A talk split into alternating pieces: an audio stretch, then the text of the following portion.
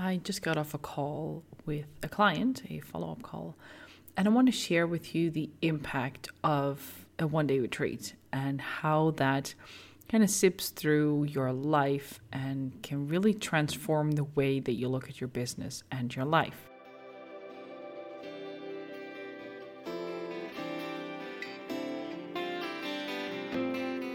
So she had her one day retreat two months ago and we just had a follow up call to see how she's doing and how she's implementing it. And it was just such a beautiful conversation about the things that she has learned about herself, how to deepen that connection, and more so, how to move her business forward. Now, one of the things I said was kudos to her for taking all of this information and starting to implement it.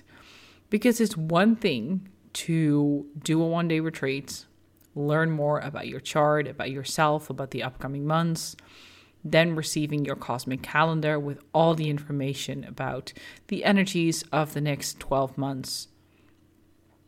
But it's the next thing to actually then take it, starting to implement and integrate that into your life and business.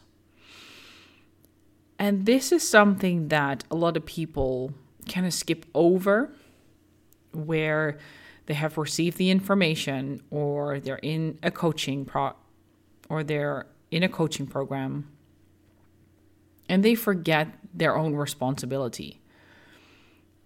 When I heard her speak today, I was I was speechless to hear how quickly and fast she is implementing everything we talked about. And the reason why it struck me is because she has a lot of water in her chart. Water isn't necessarily an element that takes up information and then and then immediately uses it but she has taken the lessons that we talked about, especially the energy that she enters this year. And not just this year, as in 2022, but she had her birthday in January as well. So she's also starting a new cycle for herself, not just not just the year 2022. And the enthusiasm that she picked up and starting to implement is really beautiful to see because she's taking ownership over the energy. And one of and one of the most striking things that she said is that she is making decisions that she wouldn't have made if it wasn't for the session, if it wasn't for the one day retreat that we did, and now the calendar that she can look back into it's not like she is making different decisions because her cosmic calendar tells her to. The cosmic calendar is a compass. It gives you a sense in what direction to go to. It doesn't tell you exactly what the destination is, but it tells you where to go roughly but it tells you roughly where to go. And that is the beauty of this. And that is the beauty of astrology. There are no clear cut answers. I cannot tell you when something is going to be successful, when something is going to fail, what to focus on exactly as an endpoint. Also, because there's never an endpoint, because we just keep going. But astrology provides a direction and it tells you what energy feels the easiest. Like she said, she was taking steps that she wouldn't have taken if it wasn't for her cosmic calendar. This doesn't mean that she's going against her gut instinct, actually, quite the opposite it confirms to her that she is taking the right steps. And one thing that she also said is, I know I am going to make decisions that might not turn out the way I want to. Actually, she said, that's part of it. taking steps and then actually seeing, hey, wait a minute, this wasn't what I was thinking.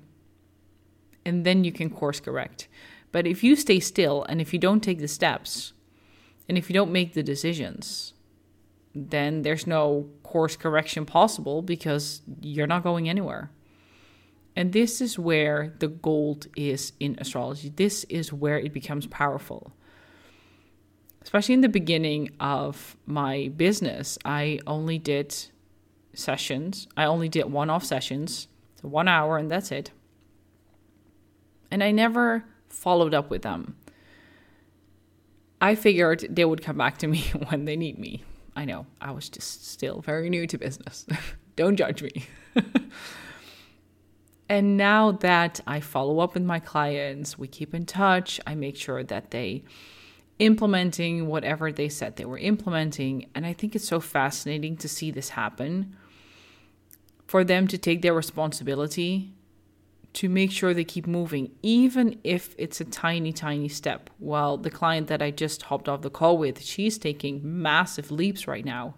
But I also have clients who are in a different phase where they are developing different things in their business and they are taking very small steps. But for them, they feel big. And those steps give them clarity. Those steps give them the confirmation yes, this feels right or well, maybe this doesn't feel that right. And they keep checking their compass, they keep checking their cosmic calendar to check in with what they are already feeling. So it's not the other way around where the calendar kind of dictates what they're doing. And that's like the last thing I want you to do with astrology to use it as a dictator where, oh, but wait, this day is not the right day to do this. So I am just going to avoid it. What do you feel in your gut? Even if if you read my daily check-in post on social media, if you read them and maybe one day I write about that the energy can be very aggressive, then don't think that you then need to avoid everything. Think about how can you use that energy? So aggression is not necessarily a bad thing, but how can you channel that aggression maybe into a situation where you feel stuck it also allows you to unlock your creative thinking. Hey, this is what is presented to me. This month maybe is all about going into my inner cave. Okay, so what does that does that mean for me? How can I honor that need of going into the cave, but also not using it as an excuse and hide when I am feeling the drive to be visible and out there? So for her, astrology is becoming part of the experience. Failing is part of the experience. And each time that you fail also brings a lesson. And I don't necessarily like the word fail, but you get the idea here.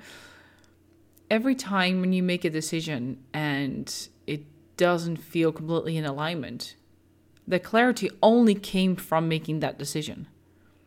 So if you feel stuck, if you feel like there is a decision that you want to make but you're afraid, check in with your body and then make one. Also, check the astrology because there's a lot of information in there. And if you don't know how to check that astrology yourself, I'm here for you. I love to look with you if you're making a big decision, to check in with you see what's going on, see what direction you're headed into, and how that information can inform you to make the right decision. That can be done in a 90 minute intensive.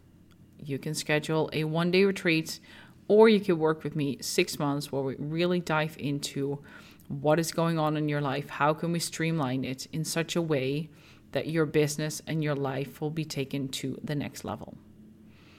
If you're not sure which one is the right fit, reach out to me. You can send me a DM on Instagram. You can click the link in the show note where you can directly go to my schedule link and we can set up a call. Even if you're not sure exactly if we are the right fit to work together, this call is exactly for that, where we can figure out what are your needs, what is it that you need help and guidance with, and then together we can figure out what which one of the offerings is the best fit for you. And then who knows, maybe in a few weeks or a few months, I'll be talking about your experience with applying astrology in your business and in your life. That's it for this episode. If you like the episode, please share it on social media, take a screenshot and tag me. Subscribe to the podcast and leave a review so more people can learn about the power of astrology. And I will speak to you again very soon.